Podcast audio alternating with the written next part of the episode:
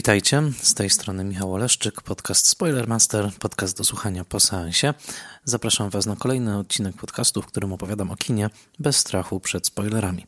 Zapraszam do słuchania, jeżeli widzieliście już film, o którym mówię, ewentualnie jeżeli nie boicie się spoilerów i w dzisiejszym odcinku zwłaszcza bardzo mocno podkreślam tę e, formułę, dlatego że będę mówił o filmie, który cały oparty jest na nieprzewidywalnych zwrotach akcji, którego sława wręcz e, sięga już cały glob pod tym względem, że trudno przewidzieć e, kolejne fabularne przewrotki, więc podwójnie ostrzegam, podwójnie zapraszam przede wszystkim do obejrzenia filmu i dopiero potem do posłuchania tego pełnego spoilerów Spoilermastera. E, chciałem e, jeszcze przed omówieniem filmu na noże Ryana Johnsona, bo o tym filmie będę mówił, podziękować wielu osobom, które e, zapostowały na Instagramie i innych social mediach wyniki swoich rocznych podsumowań Spotify'a, na których pojawiał się także Spoilermaster jako słuchany podcast. Bardzo Wam dziękuję. To duża satysfakcja i przyjemność dostawać takie pozytywne sygnały i motywują mnie one do dalszego nagrywania. A teraz już przechodzę do filmu, który Zachwycił mnie, ale nie tylko mnie, filmu, od którym jest głośno od jego premiery na festiwalu w Toronto e, i filmu, który okazał się niespodziewanym hitem e, kasowym na świecie. Mm, filmu, który zarabia świetnie, filmu, który wcale nie był taki drogi, mianowicie właśnie Ryana Johnsona e, Knives Out, czyli na noże.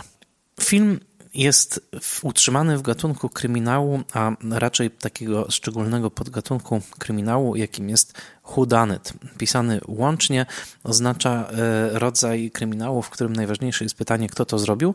I jak wiemy, mistrzynią tego typu kryminału była Agatha Christie, ale kojarzymy bardzo wiele innych wcieleń tego podgatunku. E, podgatunku, który można najkrócej streścić tak, że mamy Zazwyczaj jedną lokację, jedno miejsce wypełnione postaciami. Mm, y, wszystko zaczyna się od morderstwa i pojawia się pytanie, która z postaci jest winna. Przez jakiś czas, zazwyczaj za pomocą y, prywatnego detektywa, poznajemy poszczególne postaci, poznajemy ich konfiguracje emocjonalne, uczuciowe, finansowe i wszelkie inne. Y, y, I powoli, powoli na naszych oczach rozwikływana jest zagadka. Największą przyjemnością, jaką dostarcza ten szczególny podgatunek kryminału jest zdecydowanie przyjemność prześcigania, ewentualnie próby prześcigania w domysłach e, detektywa, który stara się znaleźć winną osobę. Mm, urok i magia hudanytu polega na tym, że rozkłada się przed naszymi oczami coś w rodzaju planszy do gry, rozkłada się także pionki w postaci kolejnych podejrzanych, a zazwyczaj w hudanycie wszyscy są podejrzani e, i e, zachęca się nas, widzów, do układania tych puzli i do zgadywania, kto też zabił i z jakiego powodu, w jakim czasie. Zachęca się nas do tego, żebyśmy śledzili wszelkie niekonsekwencje w zeznaniach, wszelkie pęknięcia w opowieściach i przede wszystkim, abyśmy zwracali na wszelkie afekty uwagę, bo zazwyczaj w afektach, w jakimś niewypowiedzianym marzeniu, często stabilizowanym, kryje się właśnie klucz do zagadki. E, znane hudanyty, takie jak chociażby e, morderstwo w Orient Expressie Agaty Christie przeniesione na ekran dwukrotnie przez Sidneya Lameta e, w latach 70. i przez Kenneta Branaga niedawno w sposób dosyć nieznośny dla ucha i oka, w mojej przynajmniej opinii, ale także inne znane hudanyty, takie jak Śmierć na Nilu, ewentualnie The Last of Sheila, pamiętny film z początku lat 70. w reżyserii Herberta Rossa, pamiętny przede wszystkim dlatego, że współscenarzystą filmu był Steven Sondheim, legendarny autor broadwayowskich przedstawień, takich jak m.in. Into the Woods czy Sweeney Todd i to był jego jedyny wysiłek scenariopisarski, dlatego ten film obrósł legendą i swoistym kultem ale także inne e, filmy na czele z e, filmem z roku 1972 pod tytułem Detektyw, filmem w reżyserii e, Józefa Mankowica albo Mankiewicza, jak kto woli. To był ostatni film w reżyserii tego wybitnego amerykańskiego twórcy, znanego innymi z Wszystko o Ewie i ten film właśnie pod tytułem Detektyw, czyli po angielsku Sleuth, tutaj nie prześcignę w prawidłowej i pięknej wymowie brytyjskiej tego słowa, bo Bolesława Racińskiego z podcastu Ścieżka Dźwiękowa, którego swoją drogą serdecznie wraz z współprowadzącym Michałem Lesiakiem pozdrawiam, bo on tam bardzo pięknie wypowiedział właśnie w odcinku o Nanorze słowo sleuth. Natomiast Sleuth, czyli ostatni film Mankowica, to był e, taki popisowy hudanyt oparty na sztuce Antonego Schaeffera z roku 1970, która dostała nagrodę Tony dla najlepszej sztuki i ten film swoją drogą w całości dostępny w dobrej jakości na YouTubie. Możecie sobie zobaczyć, ja go oglądałem w telewizji lata temu. E, jest to taki klasyczny nie tylko e, hudanyt, ale także two-hander. To znaczy jest to rzecz rozegrana de facto między dwiema postaciami. Bardzo ważną rolę odgrywa tam także pewna podmiana tożsamości i gruba charakteryzacja, tak powiem, więc już więcej nie będę spoilował. W każdym razie Sleuth e, i jego remake z roku 2007 w reżyserii tegoż Keneta Branaga, który najwyraźniej ma słabość do hudanytów, e, to jest także klasyk tego, tego gatunku, ale można by wymienić jeszcze takie filmy jak Śmiertelna Pułapka, Death Trap z 1982 roku, no i ulubiony kultowy film wielu osób ze świetną stawką aktorską, bardzo dziwacznym humorem e, i e, przede wszystkim e, bezczelnością oparcia całego filmu na grze planszowej. Jest to film pod tytułem Clue, oparty na grze planszowej pod tą samą nazwą, która była znana także w Polsce w wersji, w wersji spolszczonej. To była ta słynna gra, której plansza była przekrojem ekskluzywnej rezydencji. Poszczególne pola to były pomieszczenia, a gracze rozkładali na planszy różne narzędzia zbrodni, takie jak lichtarz, e, klucz francuski czy sznur. No i trzeba było kolejnymi e, posunięciami i kartami odkrywać właśnie kto zabił. Ten film z roku 1990, 1985 e, wyreżyserował Jonathan Lin i tam naprawdę fantastyczne postaci drugoplanowe, jedna z najlepszych drugoplanowych obsad w historii kina swoją drogą. To jest naprawdę bardzo niezwykły film. E, też znany z tego, że w jednej scenie aktorzy się pomylili i ta pomyłka została. Także jeżeli chcecie e, to zobaczyć, e, to, to powinniście to zrobić. W każdym razie z tej bardzo ciekawej drugoplanowej obsady wyróżniali się tam Eileen Brennan, Tim Curry, Christopher Lloyd, znany jako szalony profesor z Powrotu do przyszłości i Madeline Kahn, moja ulubiona, kochana Madeline Kahn, między innymi z takich filmów jak e, Młody Frankenstein czy Papierowy Księżyc. Tam też fantastycznie w Klu e, wystąpiła. Więc to są takie klasyki, klasyki gatunku. Wspominam o nich nie tylko dlatego, żeby wprowadzić gatunek, ale dlatego, że sam Ryan Johnson w filmie Na Noże zdecydowanie nawiązuje do tych filmów.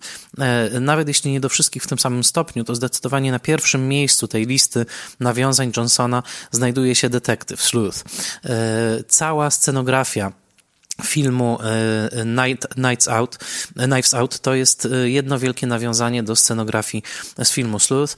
E, i te wszystkie zabawki, marionetki, maszkarony, które spoglądają z willi mm, rodzinnej Trombleyów w Nanorze, to jest dokładne nawiązanie do scenografii głównego mm, domostwa w detektywie. I bardzo też ciekawie jest zobaczyć, jak e, w, już w pierwszych ujęciach w zasadzie na noże kamera wydobywa te e, e, poszczególne zabawki umieszczone na ścianach i w zasadzie od razu jest takie duże mrugnięcie na zasadzie, jeżeli widzu widziałeś detektywa, widziałeś slutha, to będzie to zabawa w podobną, w podobną grę kotka i, kotka i myszki. Więc te filmy tworzą swoiste tło. Zresztą Ryan Johnson mówi wprost o swoim podziwie dla slutha i warto sobie przynajmniej część z tych filmów przypomnieć. Zdecydowanie najtrudniejszym filmem do obejrzenia, chociaż wyszedł na e, e, tak zwanym DVD on demand e, w Stanach jest właśnie The Last of Sheila i też polecam to, bo to jest film, który uważam co prawda za nie do końca udany, ale który też dzięki temu udziałowi Zondheima jako scenarzysty jest filmową ciekawostką. Także, no to mamy chudany Ryana Johnsona, to teraz zapytajmy, kim jest Ryan Johnson. Ryan Johnson, urodzony w roku 73, zbliżają się właśnie jego 46. urodziny. E, urodził się w Maryland, dorastał częściowo w e, Colorado, następnie przeniósł się na trwałe do Kalifornii. Jest bardzo interesującym reżyserem, o którym świat usłyszał po raz pierwszy w roku 2005. To był rok, w którym na e, festiwalu Sundance odbyła się premiera jego filmu pod tytułem Brick. W Polsce on funkcjonuje jako Kto zabił. No, powiedzmy, że już to nie wchodźmy, chociaż być może była to jakieś nawiązanie do pamiętnego Hudanytu Henri Georgesa Clouzota pod tym tytułem. Ten francuski reżyser miał na koncie kilka hudanytów na czele wspaniałym morderstwem pod numerem 21, polecam. Natomiast e, Brick to także nie cegła, pochodziło nie o żadną cegłę, tylko o kostkę e, sprasowanej heroiny, która była centrum akcji w tym tak naprawdę nowoczesnym filmie noir, czyli takim neo-noirze e, osadzonym całkowicie w środowisku uczniów szkoły średniej amerykańskiej, czyli takiego y, klasycznego high schoolu. Y, tam główną rolę zagrał y, Joseph Gordon-Levitt i to wszystko, co do tej pory powiedziałem, mogłoby się wydawać, że to jest taki właśnie miły, dowcipny film dla młodzieży, który, no, znamy filmy, które posługują się motywem tajemnicy do rozwikłania pośród nastolatków, nastoletnich detektywów i, i tak dalej. Natomiast ten film nie ma z tym nic wspólnego. Jest to jeden dla mnie z absolutnie najlepszych filmów lat 2000. E, jest to film, który posługuje się przede wszystkim niezwykle wystylizowanym językiem dialogów. W zasadzie Johnson wymyślił pewien slang, który nawiązuje do slangu powieści kryminalnych lat 30. i 40. XX e, wieku, przede wszystkim do powieści Dashiela Hameta, ale także do Chandlera, Mikaela Spillane i innych autorów, których talenty zasilały także scenariusze filmów noir, właśnie tych filmów kryminalnych amerykańskich z lat 40. I to, w jaki sposób bohaterowie mówią do siebie i to, jak my musimy się domyślać tak naprawdę, co oni mają na myśli, używając tych bardzo czasami barokowych zwrotów, jest w filmie Brick absolutnie najciekawszy. To jest film, który od lat mnie fascynuje, który pod względem wizualnym nie ma wiele wspólnego z noirem, dlatego że nie ma tam żadnych ekspresyjnych cieni, dziwnych ustawień kamery, takiego całego sztafarzu, który po, często w neo-noirze jest używany yy, i w zasadzie jest taką konfekcją noirową. Tutaj tego nie ma. Wszystko jest... Przede wszystkim nakręcone w bardzo pomysłowym użyciu lokacji e, miejskich, takiego właśnie średniej wielkości amerykańskiego miasteczka. Swoją drogą było dokręcone w szkole, do której uczęszczał sam Johnson w Kalifornii. No, wygląda to przerażająco chwilami, ale głównie dlatego, że Johnson świetnie potrafił wykorzystać lokacje takie niesłychanie banalne, jednocześnie opuszczone, jakieś parkingi, podmiejskie place zabaw i inne, które mają w sobie jakoś element niesamowitości, a w, na noże pojawia się ten element także, zwłaszcza scena e, w nieużywanej, zamkniętej pralni, w której bohaterka grana przez Anne de Armas odnajduje swoją przyjaciółkę Fran przykutą do krzesła. To jest scena absolutnie jak z Bricka, to znaczy właśnie takie wykorzystanie pustej, postindustrialnej albo dopiero co zamkniętej industrialnej przestrzeni. Przypominało mi właśnie tamten film Brick. Więc od Bricka oczywiście minęło już prawie 15 lat i od tamtego czasu czasu kariera Johnsona wystrzeliła nieprawdopodobnie, dlatego że no, jego, w jego przypadku spełniło się jedno z marzeń y, y, większości mężczyzn, y, którzy kiedykolwiek zabierali się do kręcenia filmów w latach 90. czy 2000. Nie twierdzę, że nie było to też marzenie kobiet, ale jest to marzenie wybitnie chłopackie, więc pozwalam sobie tak powiedzieć. Mianowicie spełniło się jego marzenie i wyreżyserował film z cyklu Gwiezdne Wojny. Ostatni Jedi to był film właśnie pod e, jego batutą. E, jest to film, który bardzo mi się podobał, ale o którym nie potrafię mówić szczegółowo, dlatego że ja nie potrafię za bardzo szczegółowo oceniać filmów z cyklu Gwiezdne Wojny. Nie, nie był to nigdy mój cykl, nigdy nie zakochałem się w tych filmach, obejrzałem je za późno. Jest mi trochę obojętne, jakie one są i nie potrafię tak dokładnie wyważyć, które są lepsze, które gorsze. W zasadzie najchętniej oceniłbym je pod w takiej kategorii, który robot najbardziej mi się podobał i, i, i e, tutaj bym e, na tym poprzestał, więc nie będę się zagłębiał w ostatniego Jedi natomiast dwa jeszcze filmy Johnsona to z 2008 roku, niesamowici brata, bracia Bloom, bardzo przefajnowany, przekombinowany, e, interesujący film, ale jednak z nadmiernie skomplikowaną fabułą i, z, przedziwnym konceptem, który mnie nie przekonał. I z 2012 roku film Looper, który był na naszych ekranach i był taką bardzo wyrafinowaną grą z gatunkiem e, podróży w czasie e, i był także dosyć niespodziewanym sukcesem kasowym, który no, też umożliwił właśnie Johnsonowi pracę nad Gwiezdnymi Wojnami. Więc tak naprawdę mamy dopiero piąty film pełnometrażowy mm, Johnsona e, w postaci Na noże. E, zrobił także kilka krótkich filmów, które są dostępne w sieci. Niestety ich nie oglądałem. Natomiast był także reżyserem e, trzech odcinków serialu Breaking Bad i te trzy odcinki Fly, 51 i Ozymandias są uważane za jedne z najlepszych odcinków w historii mm, tego serialu. Serialu także, który mam dopiero do nadrobienia. Widziałem tylko kilka odcinków, ale wydaje się w zasadzie, co, czego dotknie się Ryan Johnson, zamienia się w złoto. W wywiadach jawi się jako nieprawdopodobnie inteligentny e, człowiek. E, co ciekawe, jest to jeden z nielicznych przypadków, musiałbym długo pomyśleć, żeby znaleźć jeszcze analogiczne, e, udanego małżeństwa filmowiec, krytyk filmowy, dlatego, że jego żoną jest Karina Longworth, z, mm, znana krytyczka amerykańska, między innymi autorka podcastu You Must Remember Remember This, który bardzo polecam. Jeden z, no, z bardziej znanych, bardziej cenionych amerykańskich krytyczek, więc y, jest dla mnie coś bardzo romantycznego w tym y, pomyśle, że właśnie wybitny filmowiec i wybitna krytyczka łączą się w związku małżeńskim i chciałbym tylko usłyszeć ich rozmowy po obejrzeniu filmu Męża. To musiałoby być bardzo ciekawe, ale uważam, że jest to bardzo, bardzo piękne. Także taki, taki oto no, background stoi za filmem na noże. Widać, że jest ten film realizacją pewnego marzenia, że Johnson ukochał gatunek, postanowił zrobić swój hudanet, e, postanowił e, nawiązać do tego gatunku, jednocześnie go trochę wywrócić do góry nogami, bo pobawić się z nim i robi to tutaj oczywiście, więc z jednej strony mamy tutaj do czynienia z takim no, postmodernistycznym kinem gatunkowym, które zakłada naszą znajomość reguł. E, w przypadku polskich widzów jest to o tyle bardziej zasadne, że przez lata tresowano nas także na spektaklach telewizyjnej Kobry, które zazwyczaj były klasycznymi hudanetami i, e, no, i pozwala wyszaleć się stawce aktorskiej, która tutaj jest absolutnie e, wspaniała. Nie wyliczę wszystkich, ale dość powiedzieć, że e, detektywem e, Benoit Blanciem jest Daniel Craig, czyli Bond, e, jest służącą w domostwie Trombleyów, czyli Martą, jest Anna de Armas, kubańska aktorka, która już za chwilkę będziemy ją widzieć w Bondzie u boku właśnie Daniela Craiga.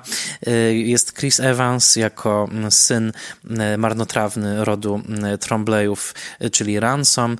Jest Jamie Lee Curtis, Curtis jako Linda i jej mąż Don Johnson, e, czyli Richard, e, potentaci rynku nieruchomości, którzy twierdzą, że do wszystkiego doszli sami, tylko zapominają wspomnieć, że na samym początku ich biznesowej drogi była milionowa pożyczka od ojca Nestora rodu, czyli Harlana Trombleya, którego gra Christopher Plummer, e, którego znamy jako Nestora nie tylko tego rodu, ale także rodu Fontrappów w filmie Dźwięki Muzyki. No i w ogóle Nestora zawodowego, ponieważ pamiętna była także jego rola wychodzącego z szafy po, w bardzo późnym wieku, przyznającego się do homoseksualizmu ojca w filmie The Beginners y, Mike'a Millsa. Ale są tutaj naprawdę fantastyczne także inne, y, inne role. Toni Collette y, jako mm, influencerka instagramowa Johnny y, i także mniej znani członkowie y, młodsi obsady, tacy jak chociażby mm, Jaden Martell w roli mocno prawicującego, wręcz niemal nazistowskiego internetowego trolla, który wygląda troszeczkę jakby właśnie wrócił z castingu do sceny nazistowskiej piosenki w kabarecie Boba Fossiego i Catherine Langford jako Mac Trombley, czyli studiująca gender i inne feminizmy, jak jest to powiedziane, e, uprzywilejowana córka e, e, Johnny, mm, czyli tej postaci granej przez Toni Collette, która swoją drogą wrzeniła się w rodzinę Trombleyów. Jej mąż, syn Harlana zginął i ona obecnie korzysta z mm, kuponów i dobroci właśnie Harlana Trombleya. Jeszcze jednym synem jest Michael Shannon, wspaniały aktor, który tutaj gra Walta, zarządzającego imperium medialnym Trombleyów. E, no, jest to aktor, którego ja naprawdę uwielbiam. To jest nieprawdopodobny talent, a to, co mnie zdziwiło, e, możecie go kojarzyć między innymi z takiego jego e, roli w filmie Take Shelter Jeffa Nicholsa, za którą zresztą był nominowany do Oscara. Natomiast to, co jest niezwykłe w Michaelu Shannonie i serdecznie wam polecam, to jest jego poczucie humoru jako osoby. Jeżeli wpiszecie na YouTubie Knives Out Roundtable, to wyskoczy wam taka bardzo zabawna kolacja na święto dziękczynienia, spoilerowania, zainscenizowana oczywiście na potrzeby promocyjne, gdzie Ryan Johnson siedzi u, u stołu i wspólnie ze swoimi aktorami, prawie z całą obsadą, to Nicolette nie dojechała na ten, na ten zjazd, po prostu jedzą sobie kolację święto dziękczynną i rozmawiają o Knives Out i nie tylko. Są tam bardzo przezabawne momenty, między innymi długa tyrada Jamie Lee Curtis przeciwko spoilerom, ale i Michael Shannon, który jest tak dowcipnym gościem, że naprawdę kilkakrotnie zaśmiałem się, zaśmiałem się głośno, więc polecam wam serdecznie ten E, ten materiał.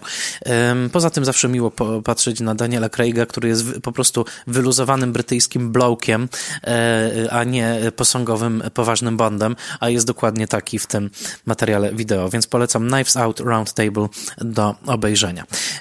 I teraz o czym jest, o czym jest na noże? Poza tym, że jest tam naprawdę wspaniała stawka aktorska, a no i jeszcze zapomniałem, jest świetna rola drugoplanowa, legendarnej osoby, to znaczy Franka Oza, reżysera wielu e, klasycznych Y, komedii ekranowych, między innymi mojego ulubionego musicalu lat 80., czyli sklepiku, y, małego sklepiku grozy Little Shop of Horrors, y, no ale także słynnego podkładacza głosu śwince Piggy w Macbethach. Frank Oz wciela się w prawnika odczytującego testament dla rodziny Trombleyów. No, testa skoro testament to trup, skoro trup to w świecie Hudanyta morderstwo i czegoś tutaj wszystko się zaczyna. No właśnie ów Nestor rodu, Christopher Plummer pada trupem, pada trupem trupem z własnej ręki, przecina sobie krtań i to samobójstwo uruchamia śledztwo e, w postaci Benoit Blanca, czyli ekscentrycznego detektywa z południa Stanów Zjednoczonych, który ma e, sprawdzić, co tak naprawdę się stało.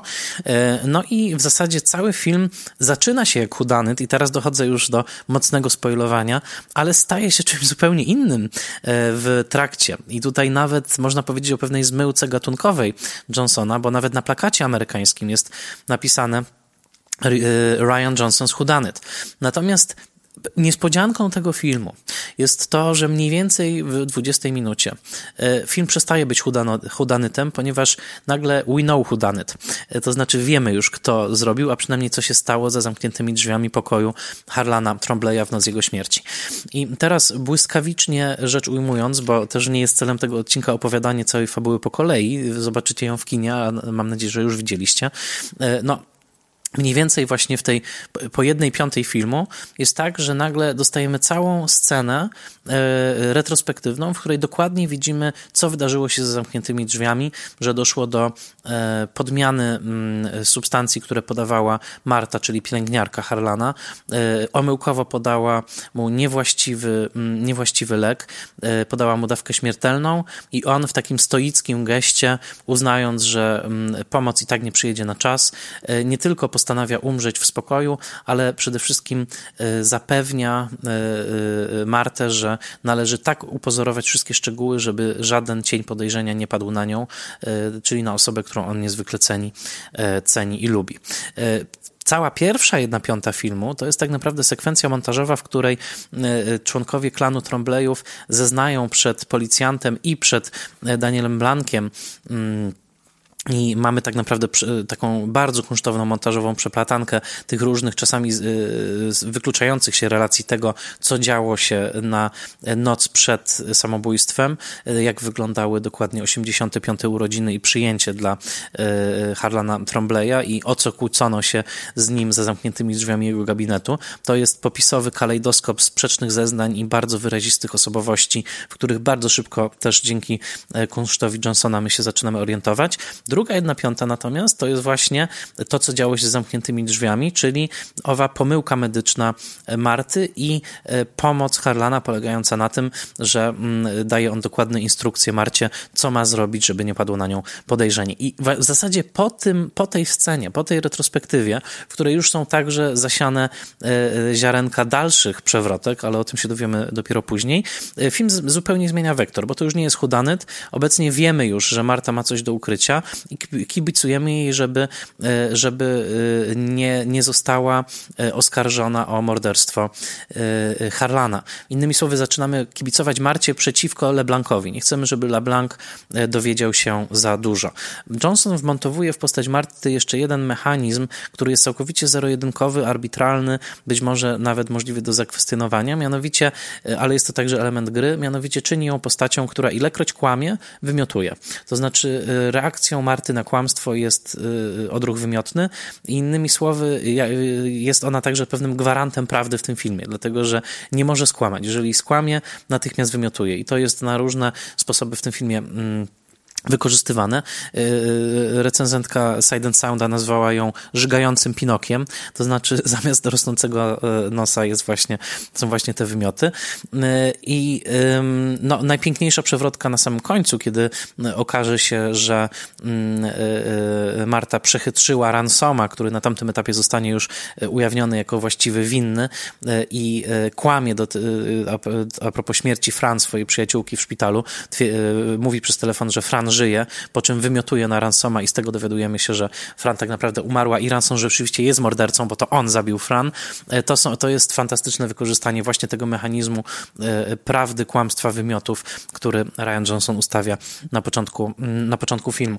I najciekawsza dla mnie jest ta, e, ten, ten czas w filmie, w którym ta cała, ta cała sekwencja, kiedy LeBlanc wydaje się błądzić we mgle, my kibicujemy Marcie, żeby utrzymywała go w tej mgle i tak naprawdę Jesteśmy z postacią, która jest słabsza ekonomicznie, słabsza życiowo y, od swoich bogatych pracodawców, która jest y, cały czas przedmiotem dyskryminacji. Jej pracodawcy nie potrafią zapamiętać, czy pochodzi z Ekwadoru, y, czy z Brazylii, czy jeszcze skąd, skąd inąd.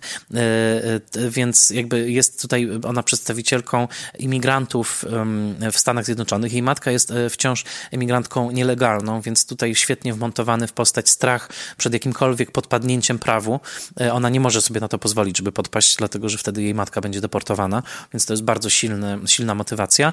Mm, no i, i tak naprawdę widzimy postać, która z jednej strony promieniuje dobrem, z drugiej strony właśnie jest wcieleniem szczerości, z trzeciej jest zagrożona, ponieważ być może to właśnie na nią, jako na tą, która miała dostęp do Harlana w szczególny sposób jako pielęgniarka, e, padnie podejrzenie. No i kolejny twist jest taki, w którym e, następuje czytanie testamentu właśnie przez Franka Oza, i okazuje się, że to Marta jest główną spadkobierczynią. I, obec, i nagle e, rozwidla się droga jeszcze na dwa, to znaczy po pierwsze e, jest pomysł, żeby przekonać do siebie Martę, żeby e, oddała pieniądze rodzinie, po drugie, żeby udowodnić, że Marta była morderczynią, a po trzecie pojawia się sojusz, nowy sojusz w tym filmie, to znaczy na linii Ransom, ów syn marnotrawny i Marta, którzy w tym momencie wydają się sojusznikami jako e, Ransom, jako syn marnotrawny, czyli ten jedyny, który potrafi zrozumieć e, Martę i działać de facto na jej korzyść.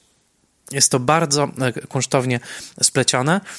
Ostatnia, ostatnie dwie piąte filmu to jest powolne dochodzenie do tego, że Ransom jest czarnym charakterem całej historii i, e, i że to on zabił Fran, ale przede wszystkim, że to on zamienił zawartość fiolek.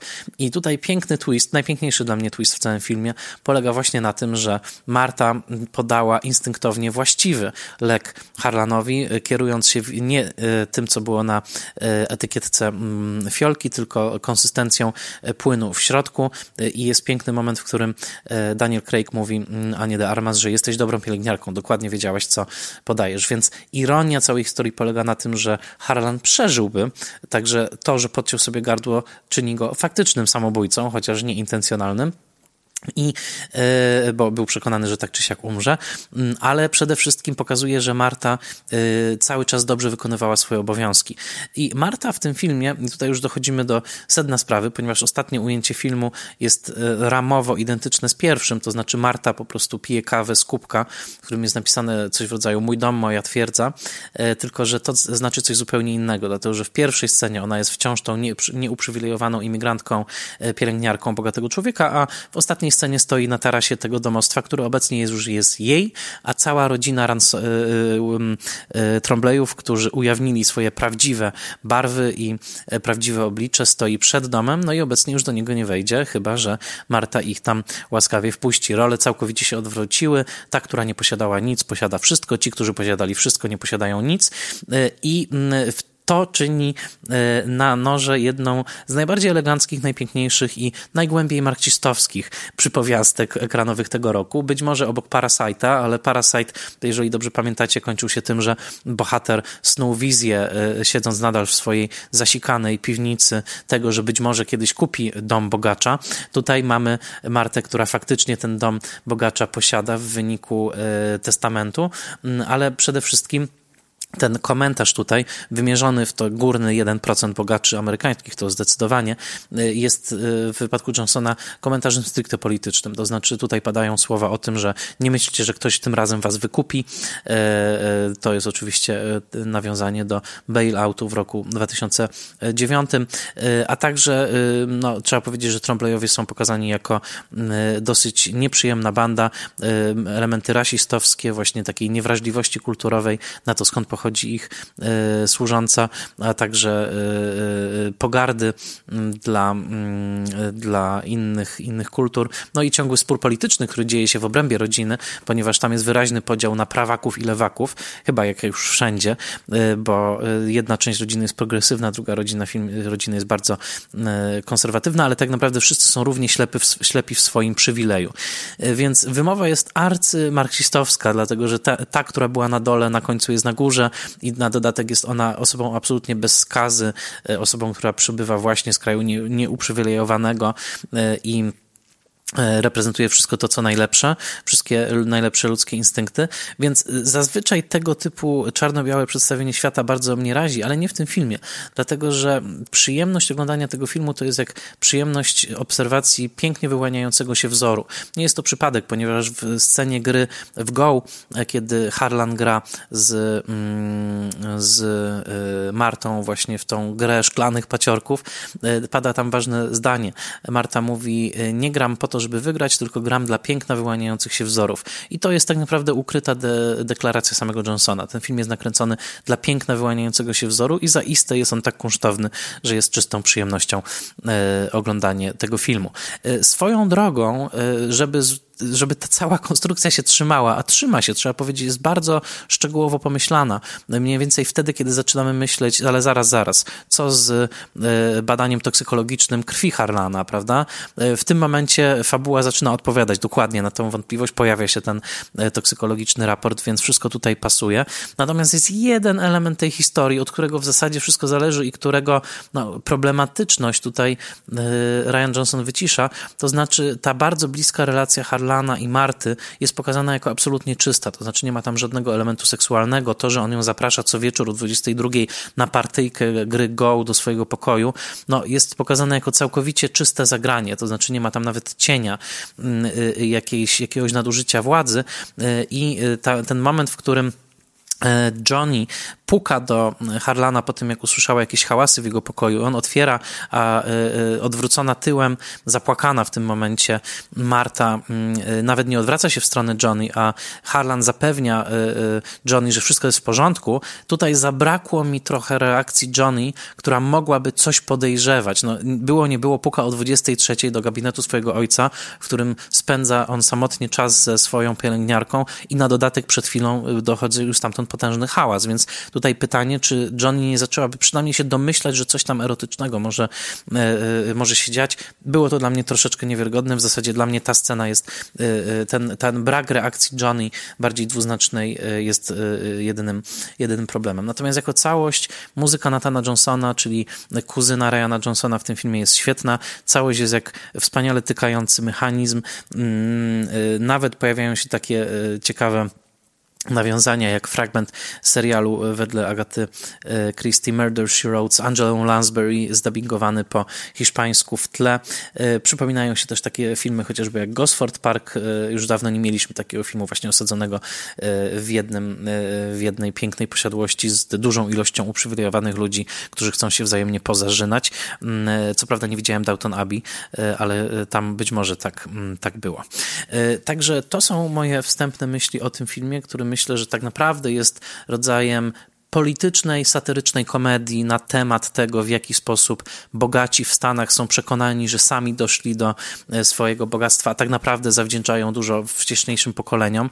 E, tutaj, e, że tak powiem, nie jest przypadkowe, że dotyczy to także Donalda Trumpa. I kogo ocala tak naprawdę Ryan Johnson od swojej satyry w tym filmie? Tegoż patriarchę najbogatszego, który rzeczywiście dorobił się swojej fortuny swoją ciężką pracą, czyli Harlana. On jest w tym filmie jakby rozgrzeszony całkowicie i e, Martę, czyli tą najbiedniejszą imigrantkę, czyli można powiedzieć, że Johnson ocala prawdziwy kapitalistyczny wysiłek i e, ocala tych, którzy są nieuprzywilejowani. Najbardziej nie lubi tych, którzy dziedziczą, po czym twierdzą, że do wszystkiego doszli sami i tworzą takie kokony e, zapiekłego przywileju, który prezentuje siebie jako efekt sprawiedliwości ustroju demokratycznego w Stanach, a tak naprawdę jest pewnym rodzajem takiego takiego, no, mm, mm, takiej kliki, czy wręcz mafii bogatych, którzy zawsze będą bronić e, samych siebie i będą działali na szkodę słabszych. Marksistowskie zdecydowanie, dowcipne bardzo, e, przekonujące, na czas seansu tak e, i, i tyle wystarczy. E, film dostarczył mi ogromną ilość przyjemności i jestem przekonany, że będę do niego wracał. Natomiast teraz niespodzianka. Gościem specjalnym tego odcinka Spoilermastera, z którym porozmawiam o filmie Knives Out na noże, jest jeden z moich absolutnie ulubionych krytyków amerykańskich, piszący dla takich miejsc jak RogerEbert.com, Cineast od niedawna i Slant Magazine, czyli wspaniały przepięknie władający prozą. E, naprawdę polecam wam jego teksty, bo są niezwykłe. E, Odie Henderson. It's a great pleasure to have you on the show. Thank you so much for saying yes to this. And um, I wanted to ask you first. Um, are you a fan of the whodunit genre? Do you like uh, do you like those uh, this type of uh, crime stories? I, I, do. I love them. I grew up reading all these mysteries, Agatha Christie, and everything I could find. Uh, growing up, I love mysteries. I've been reading the Sue Grafton mysteries, uh, the alphabet mysteries from A to Y, and the '70s when I was a kid was a big time for a lot of these whodunit movies like Sleuth and The Last of Sheila, and um, the the other the Christie movies like Murder on the Orient Express, which might be my favorite, the original. I, I like the Kenneth Branagh one also, uh, and Death on the Nile because it's just really cheesy, and um and and the Last of Sheila I like a lot, and I like Sleuth, you know, mm-hmm. Joe Mankiewicz. Uh, who directed All About Eve did a, did a really good job on that one. It's a a lot of Knives Out kind of pays tribute to Sleuth and The Last of Sheila and a couple of other movies as it goes along. I think there's even a prop from Sleuth in the movie. Right, right, right. Uh, uh, what's what's your main um, like source of pleasure in those movies? The casts, the plot themselves. Do you like to figure out the plot before the characters do? I, I like to try to figure out the plot, but I love the cast because it's always uh, back then, at least in the seventies, the all-star cast movies were either the disaster movies or these whodunits where everybody gets a chance to interact and to be over the top or, or campy or just villainous. And they all seem to be having a good time twirling their mustaches or to twirling their hair if they're, you know, a woman like Lauren Bacall or, or Ingrid Bergman or uh, any other folks that are, have done these movies. Liz Taylor had done a couple, of course, and and um, a mystery, a show that used to come on PBS when I was a kid, and was on, probably still on. I think the Sherlock series, Coaster Mystery. I liked watching those too. So I was really big on mysteries and um, trying to figure out who did it, but also just enjoying the performances. And then whoever plays the lead detective, and I mean, even something like Witness for the Prosecution, which is Agatha Christie, but isn't really technically like that kind of whodunit. I really enjoy that type of movie. It, the twistier, the better. Right, right, right. What about the Death Trap with uh, Michael Caine? Did you like that as well? That that that's I like that movie as well. They did a, a revival on Broadway, and I went to it uh, long after it played. Um, I actually saw Death Trap in, in the movie theater because my cousin loved Christopher Reeve after Superman, and, and I think it was before Somewhere in Time, but um, she had a thing for him, so it was a little bit of a surprise for her to have to see some of the things that occur in Death Trap. Um, Ira Levin had done that, and I read um, Rosemary's Baby. By this point, I'd seen it, and, and the Stepford Wives, and I was kind of into Ira Levin stuff. Kiss Before Dying, right? Which I think is probably the best. And also a movie with his books. Richard Widmark, right? Uh, uh, no, Kiss Before Dying is Robert Wagner. Right, Robert the original. Wagner. The remake is Matt Dillon and Sean Young, and it's god awful. Right. But the original with Joanne Woodward and really gorgeous colors, it's very sociopathic. Um, and, and Ira Levin was really good for the type of twisty thing as well. Although, right, Death Trap, I think, is his only Who Done It. So I mean, that, that's, that would fit that description. Right. Well, you saw Knives Out at um, TIFF uh, this Yes. year at Toronto, where it premiered. Actually, that was the premiere. So um, I guess um, was there a lot of anticipation for that film? What was your initial reaction to, to when you saw it? Well, I, I didn't get go to the premiere of it. I, I went. It was really weird. It was a a Friday night at nine thirty, so it's pretty late, and it was very very crowded. It was at the uh, theater, the, the Winter Garden, where they have the balcony, and I was in the balcony because I was online, and, and it was just so long of a line, and I wasn't feeling so well. I almost didn't even go. And I went in the audience, and, and Ryan Johnson was there. I missed him because I was trying to get to my seat, so I missed his introduction. But uh, it played like gangbusters in in um, in Toronto, and I really really enjoyed it. I was surprised at how much I enjoyed it, and the audience was with it for the entire the entire movie. hmm Uh, who are some of your favorite members of the cast in the in this in this film? Well, I, I like Tony Collette, which you know surprised me because I, how much I hated Hereditary, and I mean I usually like her. Uh, Jamie Lee Curtis, that was a lot of fun. It's nice to see Don Johnson back in um, in this. Uh, Daniel Craig, I had to get used to his accent. He sounded like Foghorn Leghorn. Mm. It, it seemed to work because I don't. I mean, unless you watch something like Matlock, you don't really get kind of that country bumpkinish kind of detective that's going to outsmart everybody. And I thought that was a nice touch. Um, after his Logan Lucky weird accent as well. I think I liked everybody in the cast. Chris, um, Chris Evans. I'm going to get all the Chris's mixed up. Chris Evans. I thought he was a really good, you know, douchebag. So, and, of course the lead and, and Christopher Plummer, who is you know, what is he, 89 or 90, and he's just spry as ever in this movie. And he's perfect casting. You know, as a kind of you can see him as uh, a mystery writer, this old mystery writer whose family is trying to, who they all hate each other and are trying to like uh, get his money, waiting for him to die. Right, right. I was also uh, I thought that of that film with Rex Harrison, uh, The Honeypot, uh, with uh, which was also Mankiewicz, right? That was Uh, sort yes, of I like a- so. Right. Uh, um, did you? Uh, there's a reference in the film that may be a little bit obscure for Polish viewers, at, uh, so maybe mm, I thought that uh, you, you could you could clarify that. Uh, the, one uh, one of the detectives says at one point that this house is pretty much like a clue board, like a board for clue game.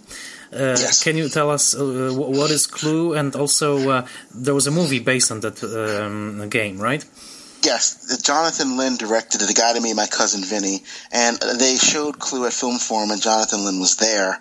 I showed my cousin Vinny at Film Forum, and Jonathan Lynn was there, and they talked about Clue after that. Uh, Clue is a board game. I used to love playing it. It's a board game by Parker Brothers, the guys who originated with Monopoly. Uh, it's a mystery. So you have a room, you have a weapon, you have a victim, and the victims are Professor Plum and uh, Miss Scarlet and uh, Colonel Mustard, and a bunch of these. And they all have colors in their names. And Madeline Kahn plays one of those characters in the movie, and she has a famous line about flames on the side of her face. But the plot of the game is it's a card game and a board game. So there's three decks of cards. One has all the characters, one has all the weapons, and one has all the rooms. And then they shuffle them up, and then someone picks a card from each deck and sticks it in a in an envelope. and then you get the other cards. So the other three players, who everybody who's playing, has cards, but no one knows what everybody has. You know what you have, and then what you say at some point is you can say, okay, you know, Colonel uh, Mustard did it in the conservatory with the candlesticks. He had like a wrench, a lead pipe, a candlestick, a, a gun, uh, uh, a rope, uh, and a couple other things. I, haven't played this game in years, and so the whole mystery is if you guess correctly, you open up the envelope and you see the three cards that are there. Mean, you win. So it's it's a mystery game, and the movie kind of takes takes and fleshes that out onto a really ridiculous plot with again a, a cast of characters: Tim Curry, Michael McKean, uh, and and Madeline Kahn, who was the most memorable of all of them.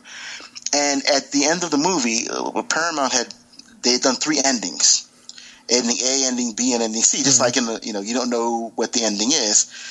And when I saw the movie, I got ending B, mm. which I think is the worst of the three endings. If you mm. watch the movie now, they give you all three of them. Right. Uh, ending C, I'll spoil it. Uh, mm-hmm. Uh, everybody did it. Oh, everybody did it. Okay. Yeah.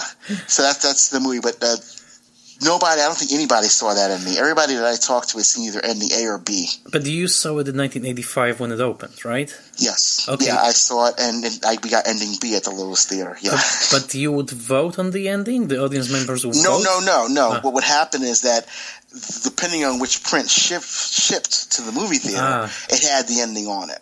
Okay. So you didn't get to vote for it. It's not like like The Beast Must Die, which is a horror movie that's also kind of like a whodunit, where you can they stop the movie and you have to guess who the werewolf is. Uh, okay, okay. So that wasn't uh, like that. Okay. No, so you you didn't. I mean, they don't stop Clue for you can guess who it is, but they did stop The Beast Must Die, and they gave you like a minute, a werewolf break, so you could talk amongst yourselves and figure out who was the werewolf. Right. But yeah, no, right, right Clue and, and, and on DVD, Clue gives you the A, B, and C. So right, right. So you can so you, actually you can watch all three endings. Right, right, right. Okay. Uh, I wanted to ask you. Um, there's also um, the uh, uh, in in uh, Knives Out. I was wondering if you were when you were watching it for the first time, was it genuinely surprised to you? Were you a little bit ahead of the game? Like, what was your uh, relationship to the story as it uh, unfold? That well, I had my ideas, but I was wrong more often than not. There were a couple of things that I did figure out, but for the most part, the movie is designed to lead you, as most of these movies are, down a bunch of red herring like paths before they pull the wool from under you. And, and it's so much, it's, in so many ways, it's kind of like you know who the victim is and you have kind of an idea as to what happened to them, but then the movie kind of spirals out all over the place and has other things on its mind in addition to being a whodunit. Right, right. There's definitely some political commentary in the film as well, right? Uh, about um, like class in America, and I think it's very nicely like woven into the into the main into the main plot. Yes, and then the lead actress, uh, de uh. Anna, yeah, she's very very talented. She's very good in the movie, and, and I like the gen, the central conceit of her character is that she can't lie, and if she lies, she'll throw up. And I think that's a really good obstruction for Ryan Johnson to throw at this character and at the audience because you see many times that she is very ill, and then you start to wonder if you're a veteran of these types of films how exactly can she lie and not puke? Mm-hmm. Uh, and it becomes a question of, you know, can you convince yourself that the lie is the truth so you don't have this psychosomatic reaction? Right. And so that's one of those things that goes running through your mind as you watch the movie. And of course, every time she lies, she throws up. So you, it kind of starts to, lead, you know, make you wonder if maybe she just can't lie. Maybe, you know, how is she going to work her way out of this? And then Daniel Craig's character is smart enough to know you know, it's all about phrasing. You know, it's all about what the definition of is is. Right. And that's very interesting and very clever how it's written into the story. Right. Well, there's also one clip on TV um, uh, that includes Angela Lansbury. I mean, when the mother of uh, of Martha, Martha, the nurse, is watching the mm-hmm. show on TV, and there's this show Murder She Wrote. Did you uh, watch this show? It's a Agatha Christie show, right? Uh, no, Murder She Wrote was just uh, it was created. I don't remember who created it. I, I want to say that one of the folks that did Columbo created it, but I could be wrong. Oh. It's it's completely fictional, but I think they were using, uh, you know, an Agatha Christie type character in Angela Lansbury, but she's there. It's kind of combining an Agatha Christie mystery by making Agatha Christie Miss Marple, mm-hmm. and of course Angela Lansbury played Miss Marple.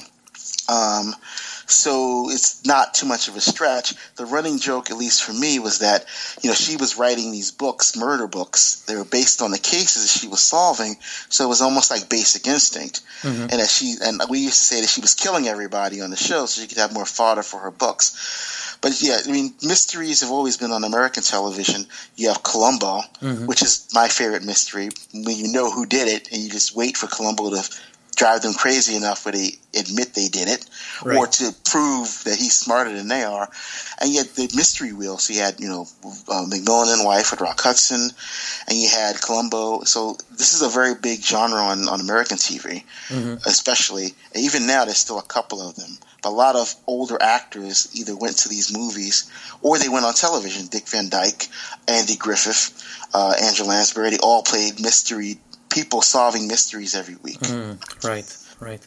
Well, I also very much liked uh, Jamie Lee Curtis's uh, turn, uh, uh and uh, sh- she's very mean in the film, but she's sort of very composed. Like there's almost like this sort of uh, you know mm, evil gallantry to this to this to this character of of Linda is uh, is yes. Jamie Lee Curtis. Uh, I mean, she's legendary for Halloween movies, but uh, uh, it seems to me that she wasn't that much present in, in the movies in the past few years. Like, what's what's her stature now in in, in America?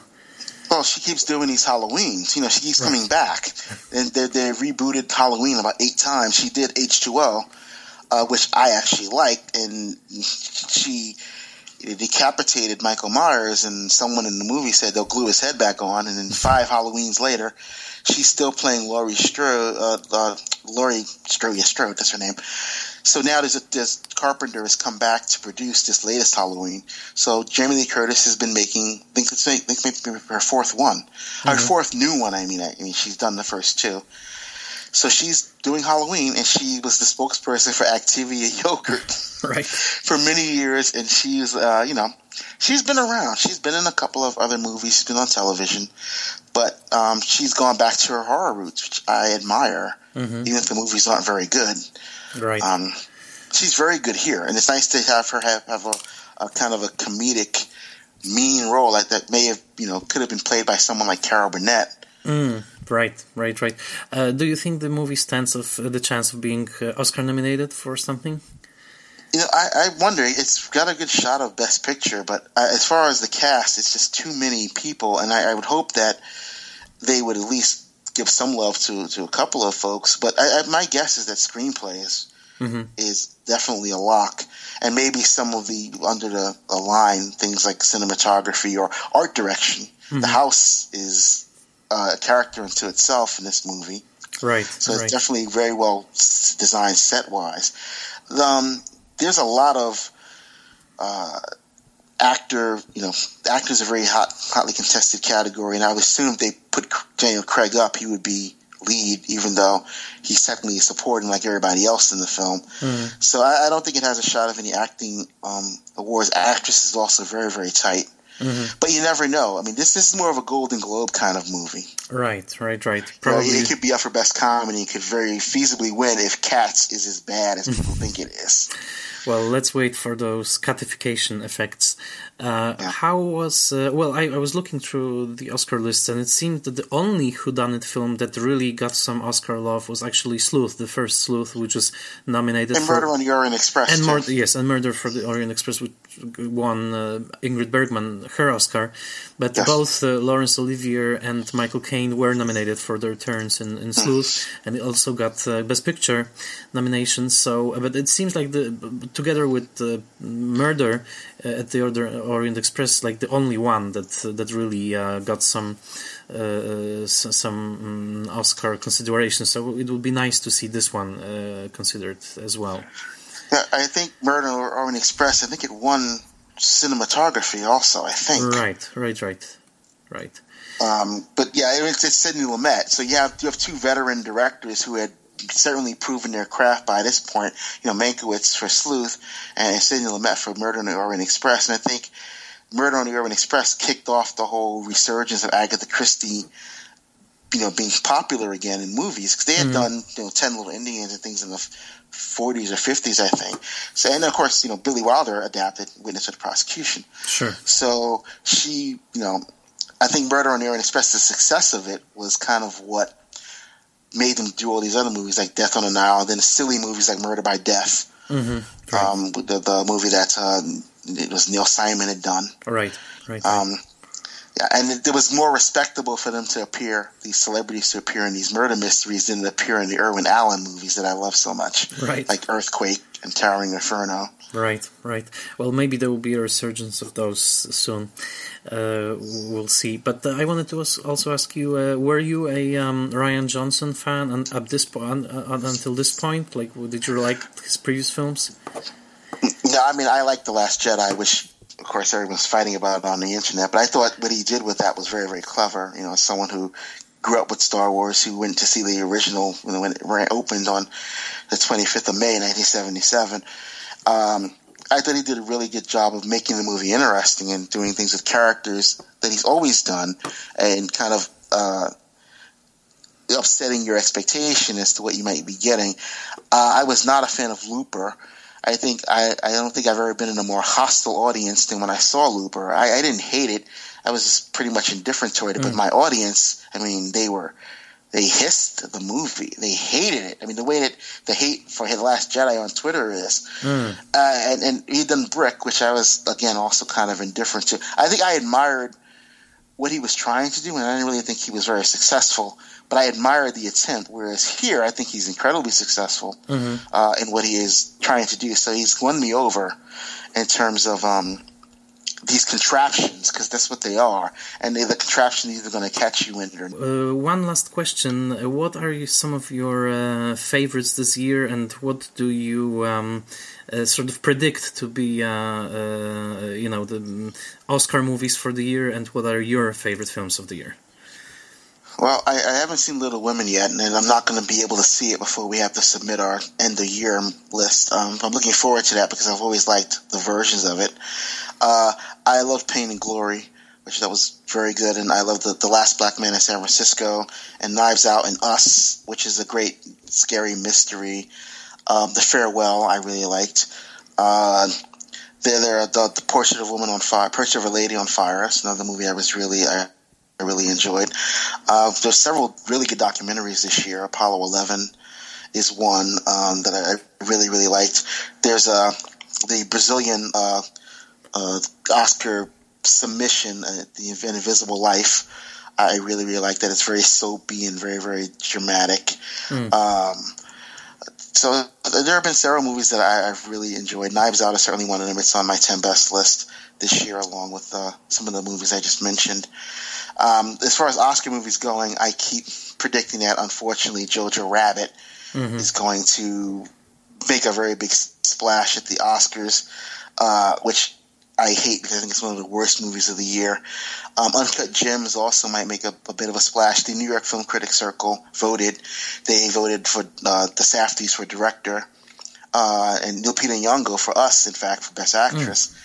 Uh, the Irishman, of course, I like that a lot that's been winning all the critic awards, which means it won't win Best Picture. Mm, right, right. But it will certainly be nominated. I think Joe Pesci will, will be nominated as well. So I think the big movies are The Irishman, uh, Jojo Rabbit, Parasite, which another movie I, I really loved. Mm-hmm. Um, pretty much this foreign film locked up and may may get nominated for Best Picture as well. Mm-hmm. So so there have been some some really good movies, and Parasite is also kind of a contraption of a movie, mm-hmm. not not necessarily a mystery or or anything like that, but it's it's certainly a movie that uh, plays with the audience in the way that it Knives Out does.